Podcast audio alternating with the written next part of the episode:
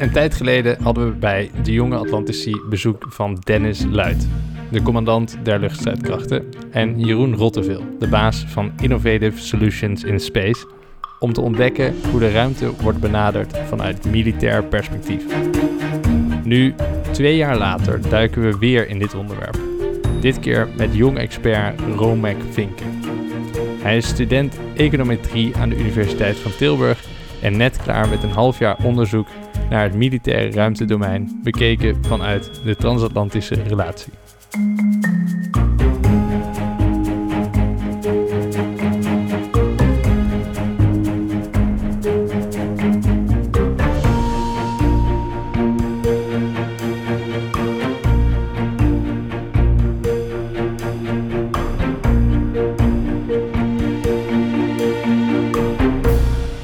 Van harte welkom bij de Atlantische Blik. Bedankt voor de uitnodiging. Um, je hebt het afgelopen jaar aan de Nederlandse ambassade in Washington onderzoek gedaan naar de mogelijkheden voor samenwerking tussen Nederland en de VS.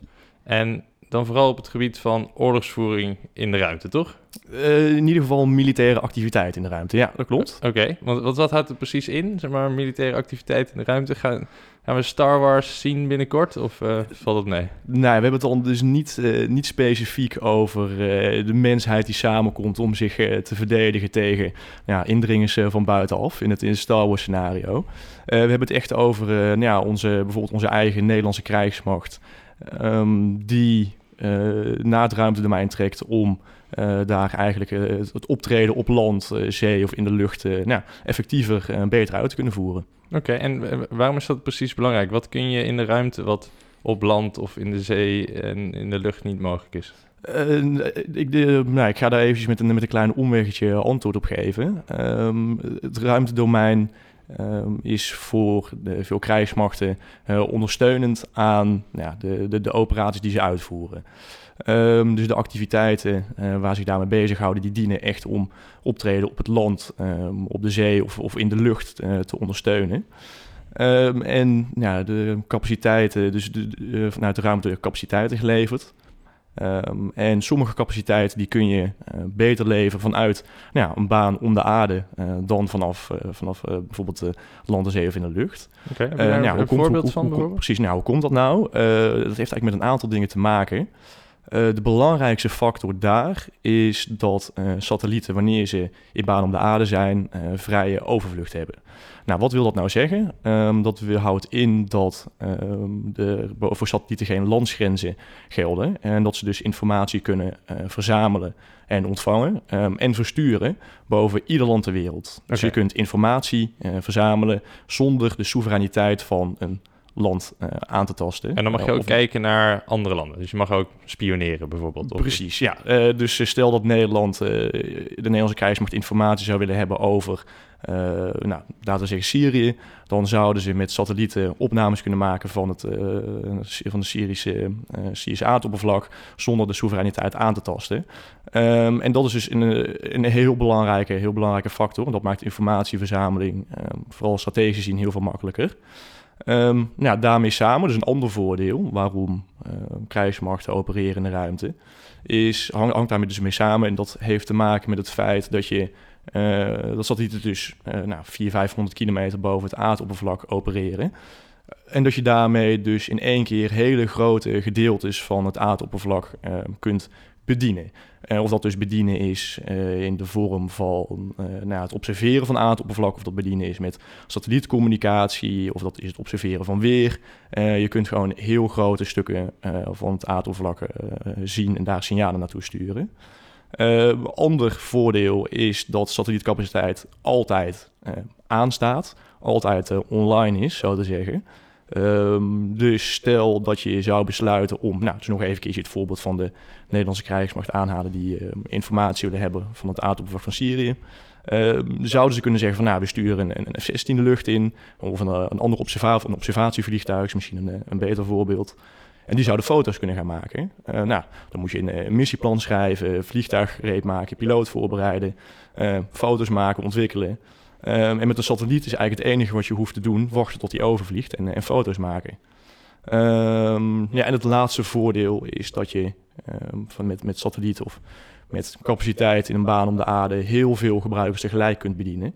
Ehm, ja, denk bijvoorbeeld aan het, aan het GPS-systeem. dat is dus een vorm van ondersteuning. Ehm, dus echt het mogelijk maken van een van operatie op het aardoppervlak. Ehm, die dus aan heel veel mensen gelijk uh, gegeven kan worden. Ja. Uh, in principe is er zelfs geen maximum op het, uh, ja, het aantal verbindingen dat je daarmee kunt leggen. Dus je hebt het eigenlijk over het observeren, dus het kijken naar de aarde, mogelijk maken van communicatie en dan nog ondersteunende functies. Eigenlijk drie, die drie dingen. Nou, dat zijn dus, dat zijn, als, ik kan dat misschien nog net iets scherper stellen. Um, dat zijn dus specifiek drie uh, taken waar de Fin zich mee bezighoudt. Maar echt dus de, de, de, specifieke voordelen van opereren in het ruimtedomein. Um, en niet bijvoorbeeld on, de, de, ondersteuning die troepen nodig hebben leveren vanuit, uh, vanaf het land of vanuit de lucht of vanaf de zee. Um, zijn dus um, dat je informatie kunt verzamelen en verzenden zonder soevereiniteit aan te tasten. Ja. dat satellieten altijd online zijn. en het feit dat je veel gebruikers tegelijk kunt bedienen. En nou, op een hele grote, uh, heel groot geografisch uh, oppervlak. Oké, en het, het, klinkt best wel als een uitgebreide taak voor dat, nou ja, dat ruimtedomein. Wat heb je nou als land een beetje nodig om fatsoenlijk op het, het ruimtetoneel te verschijnen? Het voelt als een grote en dure aangelegenheid. Um, ja, ik denk dat daar, uh, dat daar twee, twee vragen in zijn. Dus ik, ik denk dat ik even wil beginnen met beantwoorden van je tweede. Dus is dat niet, uh, niet heel duur om te opereren in het, in het ruimtedomein? Ja, het voelt echt weggelegd voor hele grote landen, maar... Uh, ja, nou daar heb je, heb je in principe gelijk in, of moet ik zeggen, had je gelijk in. Um, dus je zou kunnen zeggen dat eind jaren 50 ongeveer nou, het tijdperk van de ruimtevaart begon. Um, en nou ja, de, de tijd sindsdien die kun je denk ik indelen in twee tijdvakken. Uh, de periode van, nou, dus eind jaren 50, uh, de, de, de, lancering van de Sputnik, tot ongeveer uh, het jaar 2000. Die wordt ook wel, wel old space genoemd. wat je daarin zag, was dat dus nou, vooral de grote geïndustrialiseerde landen um, actief waren in het domein. dus denk aan de Verenigde Staten, denk aan Rusland of, of ruimtevaartorganisaties van die landen. Uh, nou, zij waren dan vooral bezig, met uh, verkenning van de ruimte, uh, ontdekking. Um, en nou ja, typische projecten waar ze aan het werken, werkten, die kennen we eigenlijk allemaal. denk aan het internationaal ruimtestation, denk aan de Space Shuttle. Um, dus in die tijd klopt dat, had je, heb je inderdaad gelijk. maar vanaf ongeveer, nou ja, laten we zeggen het jaar 2000, zie je dat er heel veel kleinere private partijen zijn toegetreden tot uh, ja, die, die, die ruimteindustrie. Um, en wat zij meebrachten waren eigenlijk nieuwe productietechnieken en nieuwe managementpraktijken. Uh, waarmee zij dus nieuwe uh, ja, technologie hebben ontwikkeld. Die ervoor heeft gezorgd dat nou, zowel de, de kosten van de bouw van een satelliet als de kosten van lancering um, enorm omlaag zijn gegaan. Okay. Nou, bij die partijen kun je dan dus denken aan uh, nou ja, onder andere bedrijven uh, van, uh, van Elon Musk, SpaceX of nou, bijvoorbeeld Virgin. maar je hebt ook, dat zijn grote, grote voorbeelden met ook nog een, een hele, hoop, hele hoop kleinere. Um, en dat heeft ervoor gezorgd dat ook kleinere geïndustrialiseerde landen, zoals Nederland, maar lees ook Canada, België, nou, dat, die, dat soort partijen ja. ook actief konden zijn in het, in het domein. Dus het zijn nu is...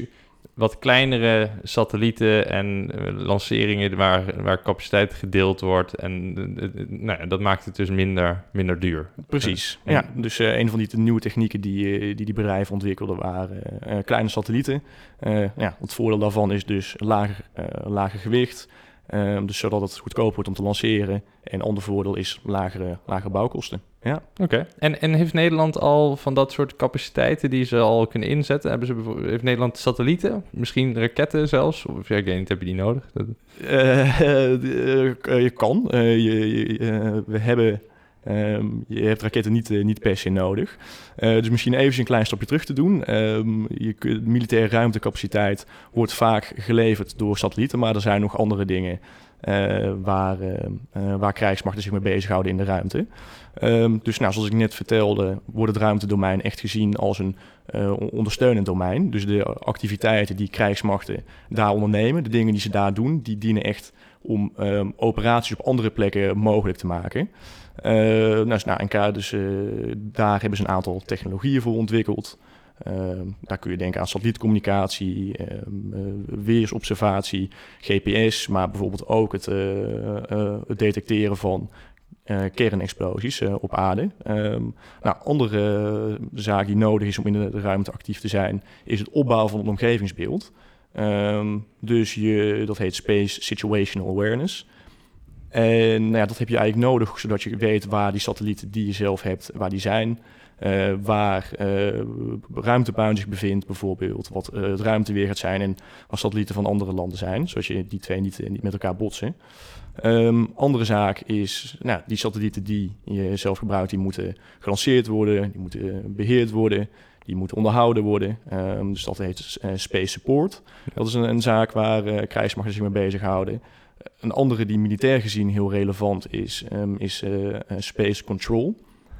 Um, dus nou, we hebben net eigenlijk al aangehaald dat het ruimtedomein dus uh, ondersteunend is, maar in die ondersteunende rol superbelangrijk. Denk maar eens aan uh, nou, gedachte-experiment, wat er zou gebeuren als de Nederlandse krijgsmacht of de Amerikaanse krijgsmacht niet meer zouden beschikken over GPS, voor ja. uh, navigatie, voor uh, GPS-geleide wapens of niet meer zouden beschikken over satellietcommunicatie. Nou, uh, vanuit, uh, vanuit die afhankelijkheid is het interessant uh, voor krijgsmacht om na te denken over hoe ze hun eigen middelen kunnen beschermen. Dus defensieve capaciteit van ruimtemiddelen kunnen opbouwen um, en hoe ze andere landen uh, die capaciteit eventueel zouden kunnen ontzeggen. Dus offensieve space control. Um, en dan nou, als laatste um, is het zo dat je theoretisch gezien vanuit de ruimte ook uh, doelen op aarde aan zou kunnen vallen.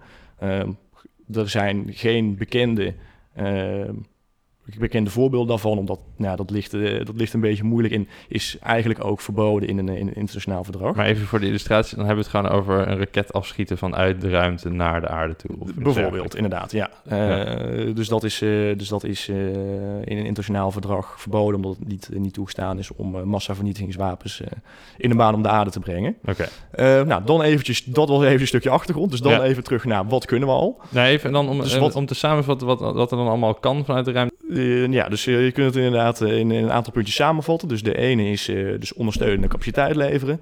De tweede is een omgevingsbeeld opbouwen om die ondersteunende capaciteit te kunnen leveren. derde is nou ja, het, het, in een baan om de aarde brengen van die satellieten die die capaciteit leveren. Vierde is dus inderdaad nou, ontzeggen, dus die eigen middelen beschermen en andere partijen eventueel die toegang tot die middelen ontzeggen. Ja. Um, en nou, de laatste is dus zoals jij aanhaalde, dus raketten afschieten vanuit de ruimte op doelen op aarde. Okay. Nou, dat was even een stukje achtergrond dat ik even moest geven ja. um, om te kunnen begrijpen wat we als Nederlandse krijgsmacht nu al kunnen. Ja.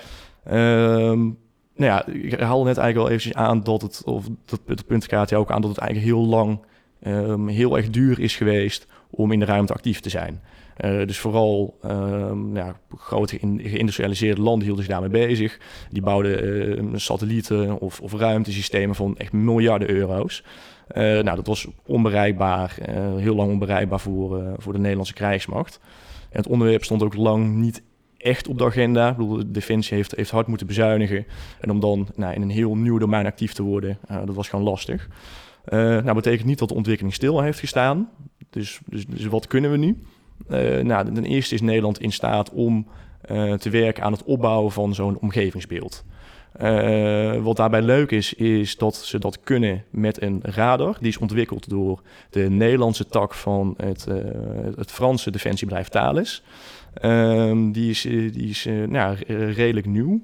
Um, en dat is echt het, het unieke aan dat systeem, is dat het mobiel is. Dus het, uh, dat staat eigenlijk op, uh, op de achterkant van schepen. Is eigenlijk bedoeld om uh, inkomende raketten te signaleren. Dus eigenlijk een soort van, soort van raketschild. Um, en nou, daarmee kunnen ze tot ongeveer 2000 kilometer boven het aardoppervlak objecten signaleren. Okay. Dus om dat omgevingsbeeld op te bouwen. En dat is echt iets waar andere landen met nou, jaloezie naar kijken. Um, tweede is satellietcommunicatie. Dus we hebben, Nederlandse Defensie heeft zich ingekocht in een aantal Amerikaanse satellietcommunicatieprogramma's. Ehm, dus die capaciteit, nou, daar beschikken ze ook over. Dus ze hebben zich ingekocht en in ruil daarvoor krijgen ze bandbreedte om, uh, om over te communiceren. Oké, en dat houdt dan in, hoef je zelf niks te lanceren of te doen, dan, dan maak je gewoon gebruik van wat de Amerikanen hebben en daar betaal je dan voor. Precies, ja, je betaalt daar gewoon, uh, gewoon aan mee. Maar we zijn er dus wel echt, uh, echt mee, mede-eigenaar van. En, en die satellietcommunicatie die is dan bedoeld om, om troepen onderling te laten communiceren via de ruimte? Precies, okay. ja. Dat is inderdaad een, een hele belangrijke. Um, en het laatste voorbeeld, die vind ik altijd wel, wel tot de verbeelding spreken, is dat Nederland beschikt over uh, signals intelligence capaciteit. Nou, dat, uh, wat wil dat nou zeggen?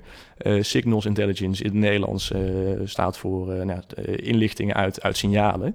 en in dit geval ruimte gerelateerd, dat kun je op verschillende manieren doen. Dus je kunt communicatiekabels afluisteren of, of radioverkeer afluisteren. Maar ruimtegerelateerde signals intelligence capaciteit gaat dus specifiek over het afluisteren van satellieten. Um, dus uh, Nederland heeft in... Hoog James Bond gehaald. Heeft een heel erg hoog James Bond gehaald, ja. En dat doen we met een, uh, met een, met een satellietstation in, in Buren, in Friesland. Uh, en daar zijn we eigenlijk in staat om ja, de, de, de signalen die satellieten uitzenden op te vangen. Um, en die worden dan vervolgens gebruikt voor, voor inlichtingwerk. inlichtingwerk. Um, dat is wat we nu hebben. Er komen, uh, nou, er zitten ook een aantal dingen in, in de pijplijn. Er komen een aantal dingen aan.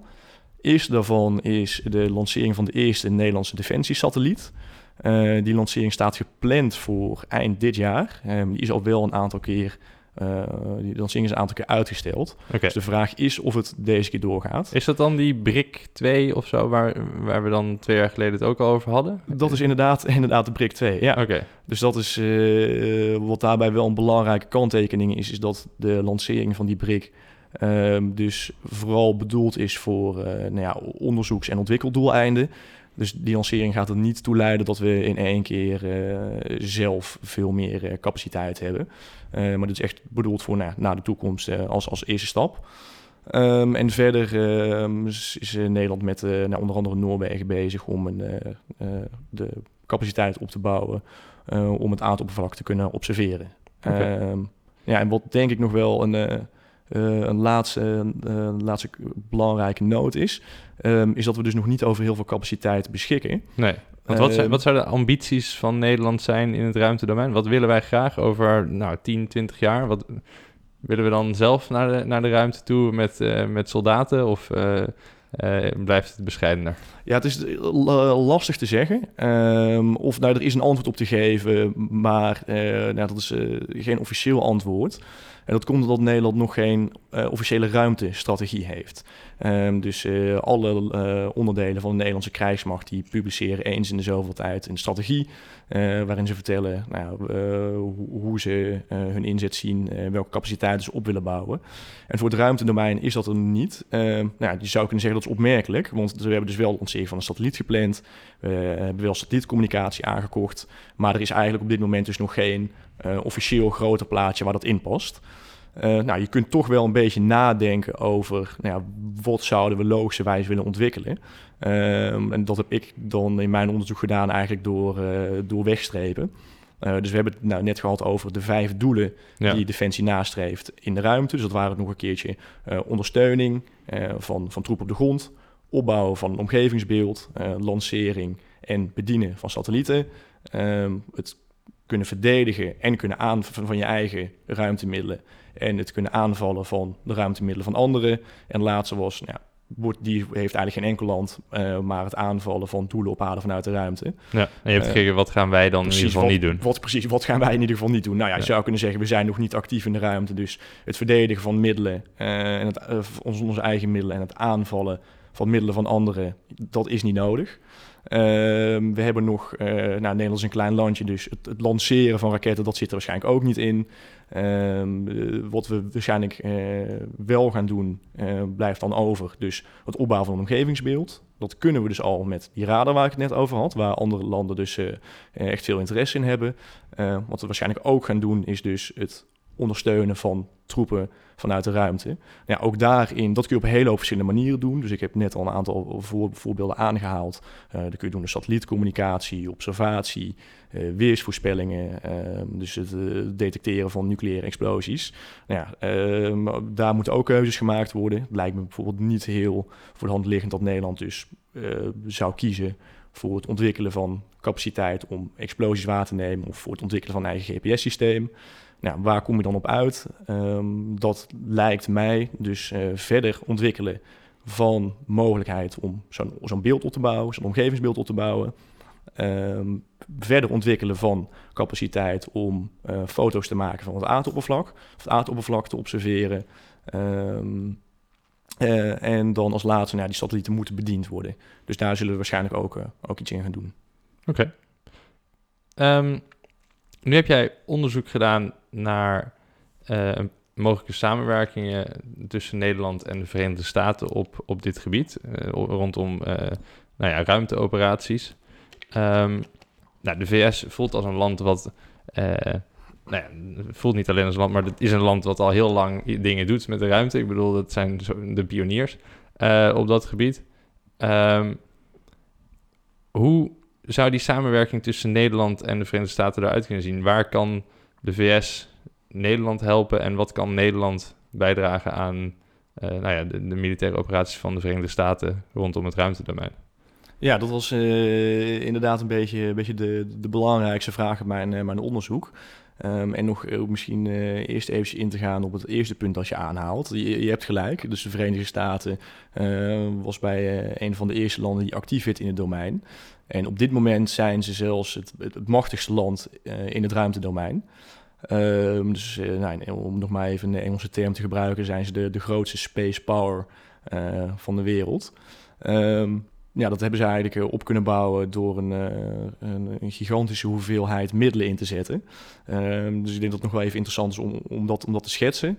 Ehm, de VS zet ieder jaar 20 miljard dollar apart voor de ontwikkeling en het gebruik van, van ruimtemiddelen. Oké, dus twee keer wat wij uitgeven aan defensie überhaupt. Totaal, ja. En daarbij um, wordt die ruimtecapaciteiten worden geleverd um, aan uh, één centraal orgaan. Uh, en die worden geleverd door de landmacht, luchtmacht en marine apart. En alleen bij de luchtmachttak werken al ongeveer evenveel mensen in de VS aan de ruimte als bij de Nederlandse defensie in totaal. Oké. Um, dus nou ja, dat zijn, je hebt het echt over gigantische aantallen mensen, hoeveelheden middelen.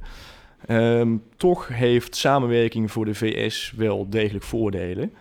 Um, dus uh, nou ja, een, aantal van die voordelen, of nou, misschien het meest voor de hand liggende voordeel is kostendeling. Uh, want nou ja, ondanks dat ze dus uh, gigantisch veel geld hebben om middelen te kunnen ontwikkelen, kunnen ze toch niet alles doen. De techniek gaat ook ongelooflijk snel. Um, en daarbij uh, zetten zij dus nog steeds vooral in op het maken van grote satellieten uh, en hele dure middelen. Um, dus door kosten te delen en samen te werken met andere landen, ja, kunnen ze gewoon meer doen van, van dat geld. een ander voordeel voor samenwerking, van samenwerking voor de VS, is legitimiteit. Um, dus uh, nou, multilateraal opereren, dus uh, multilaterale inzet van ruimtemiddelen heeft gewoon meer aanzien in de internationale omgeving uh, dan dat je in je eentje besluit om op pad te gaan. Ik bedoel, daar wordt, uh, worden de Verenigde Staten natuurlijk nog eens van beticht. Hm. Politieagent spelen. Um, en een laatste voordeel, en ik denk dat dat voor hun de belangrijkste is, is, is eigenlijk afschrikking. Um, dus ze zijn het, het grootste land, uh, of het machtigste land in de ruimte. Uh, komt omdat ze heel veel uh, middelen daar, daar hebben. maar niet veel middelen om die middelen die ze hebben te verdedigen. Dus daarom wordt afschrikking een, een, belangrijk punt. Dus ze willen eigenlijk in de eerste plaats voorkomen dat ze worden aangevallen. Nou, hoe helpt samenwerking daar nou bij? dat gaat eigenlijk, komt eigenlijk door twee manieren. Um, eerste is als je samen met een ander land besluit om een bepaalde um, satelliet te lanceren. Denk bijvoorbeeld aan nou ja, de satellietcommunicatie, waar ik het net over had. Um, nou, mocht een ander land besluiten om dat middel aan te vallen, dan zouden ze dus niet, niet aan de stok krijgen met alleen de Verenigde Staten, maar in dit geval dus ook nog met Nederland en het Verenigd Koninkrijk en Australië, want die zijn ook bij dat uh, specifiek programma betrokken. Um, tweede, uh, tweede factor of tweede mechanisme waar die afschrikking mee werkt of doorwerkt, is eigenlijk dat de Verenigde Staten ervan uitgaan dat mocht, uh, dat, uh, mocht een gezamenlijk, ehm, gezamenlijk middel, een gezamenlijk satelliet aangevallen worden, um, dat landen um, de capaciteit die ze zelf hebben op dat gebied ook beschikbaar zullen stellen. Dus het Verenigd Koninkrijk en de VS die zitten dus Ehm, samen in dat satellietcommunicatieprogramma waar Nederland ook in zit. En zij gaan er eigenlijk vanuit dat, nou, mocht dat programma aangevallen worden, dan zal de Verenigd, Verenigd Koninkrijk de satellietcommunicatiemiddelen die ze onafhankelijk hebben ontwikkeld in willen zetten. Oké. Eh, dus nou ja, hoe zou uh, Nederland uh, daar nu kunnen, bij kunnen ondersteunen? Um, hoe zou dus die samenwerking voordelen kunnen hebben? Nou, kostendeling. Um, daarnaast is Nederland heel erg goed of lopen wij eigenlijk voorop in het ontwikkelen van uh, kleine satellieten. Uh, dat is een, uh, is een belangrijk punt ehm, waar zij, of de Verenigde Staten, dus nog niet, niet groot op inzetten. Um, en nou, dus nog een keertje dat opbouwen van een omgevingsbeeld met die mobiele radar. Dat is ook echt iets waar de, de Verenigde Staten veel aan heeft. Oké. Duidelijk. En je, noemt een aantal dingen waar de Verenigde Staten mee bezig is. Is nou een bepaalde uh, focus in de VS op, uh, op hun ambitie voor de komende tijd? Je zegt het beschermen van dingen die al in de ruimte zijn nu. Um, dat, dat voelt als een soort van een beheersactiviteit van ja, we moeten zorgen dat wat er is, dat dat veilig is. Maar hebben zij nou ook nog um, bepaalde richtingen waarin ze aan het uitbreiden zijn? Um, dat is inderdaad het eerste punt dat je aanhaalt. Dat is denk ik wel hun belangrijkste, belangrijkste focus. En dat heeft er eigenlijk mee te maken dat zij op eigenlijk ieder mogelijk, uh, mogelijk gebied al actief zijn. Uh, dus we hebben net dus, nou, nog een keer die, die, die vijf, uh, vijf doelen van krijgsmacht in de ruimte besproken. En eigenlijk op ieder doel, behalve nou, dat laatste, dus het, het aanvallen van doelen op aarde vanuit de ruimte, zijn ze al actief. Uh, met meerdere satellieten en soms zelfs met meerdere constellaties, dus meerdere groepen satellieten. Um, dus nou, ze blijven natuurlijk wel bezig met het ontwikkelen van nieuwe capaciteit, maar echt het uitbreiden van uh, naar, naar nieuwe gebieden zit er daar dus niet meer in. Okay. Um, dus er zijn wel specifieke capaciteiten waar ze harder op willen, willen innoveren. Dus één daarvan is het opbouwen van een omgevingsbeeld, um, zodat ze nou ja, eerder op de hoogte zijn van activiteit van onder andere Rusland en China. Um, en het andere is dus daadwerkelijk werken aan ja, beschermen van, van de middelen die daar, die daar okay. al zijn. En als jij een inschatting moet maken van wat de eerste samenwerking tussen de VS en Nederland gaat zijn, even verder dan die satellietcommunicatie die we nu al, al inkopen, um, wat verwacht jij in de komende vijf à tien jaar dat uh, er op dat gebied gaat gebeuren? Ik zou zeggen um, dat vooral ontwikkeling dus een, dus een belangrijke gaat zijn. Dus rondom die kleine satellieten? Rondom die kleine satellieten. Ik denk dat dat een, een heel belangrijke focus gaat worden. Um, dus ja, dus Nederlandse bedrijven, uh, er zijn een aantal Nederlandse bedrijven daar echt in voor oplopen. Dus één daarvan um, is Innovative Solutions in Space. En zij hebben samen met, uh, met TNO dus de, de BRIC 2 gebouwd. Ja. dat dus is die satelliet die dus Defensie gaat lanceren. Hopelijk, hopelijk eind dit jaar. Um, dus dat is iets waar, zij, waar, waar Nederland echt in, in voorop loopt. Uh, ja, dat komt dat er in Nederland echt wel een groot aantal kennisinstituten en universiteiten uh, werken aan ontwikkeling. En nou, best wel een groot aantal bedrijven die ontwikkeling vervolgens, uh, vervolgens toepassen.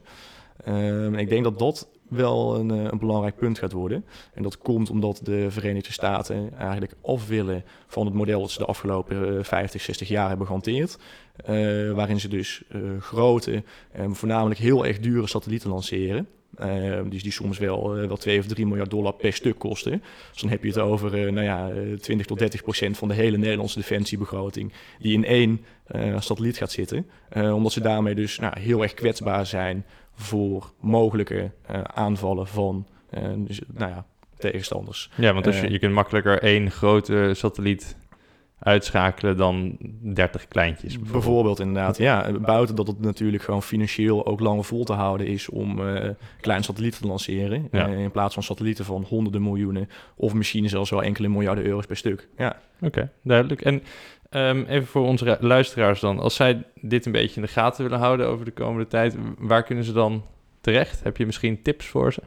Uh, dat, is een, dat is een goede. Nou, in Nederland uh, is het zover ik weet vrij moeilijk om op, op de hoogte te blijven. Uh, omdat het, nou, de Nederlandse afdeling die zich hiermee bezighoudt gewoon vrij, vrij klein is. Uh, en we dus ook nog geen Nederlandse uh, overkoepelende ruimtestrategie hebben. Uh, maar in Amerika is er wel een heleboel, een heleboel openbare kennis op dit gebied. En dan wordt er ook veel, veel debat gevoerd over nou, waar de Amerikaanse krijgsmacht zich zou moeten ontwikkelen. Um, dus een, een, interessante denktank die hier veel over doet en publiceert is CSIS. Okay. Um, dus uh, zij hebben een YouTube-kanaal waarop regelmatig debatten worden gepubliceerd. Um, en uh, dat, is, dat is even eentje die me, die me zo snel te binnen schiet. Nou, klinkt als een hele goede tip. Nou ja, Romek, hartelijk dank dat je op ons uh, op een kleine reis hebt genomen door dat militaire ruimtedomein. Um, nou ja, naast jouw aanbeveling van de CS... CSIS, ja. CSIS kun je ook via uh, de, social media en de website van de Jonge Atlantici het uh, artikel van Romek uh, vinden. Als je dat na wil lezen, hij heeft in de militaire spectator een artikel geschreven waarin hij alles wat we hier ook besproken hebben nog veel uitgebreider uiteenzet. En met veel plezier kan ik ook aankondigen dat de Jonge Atlantici ook weer een evenement in de planning heeft. Um, op 8 oktober zal NATO Night plaatsvinden. Um, dat zou uiteindelijk uh, origineel in april zijn geweest, maar dat wordt nu 8 oktober in Utrecht. Met als centrale vraag uh, of de NAVO nog alive in kicking is. Mijn naam is Hugo van der Heijden en graag tot de volgende Atlantische Blik.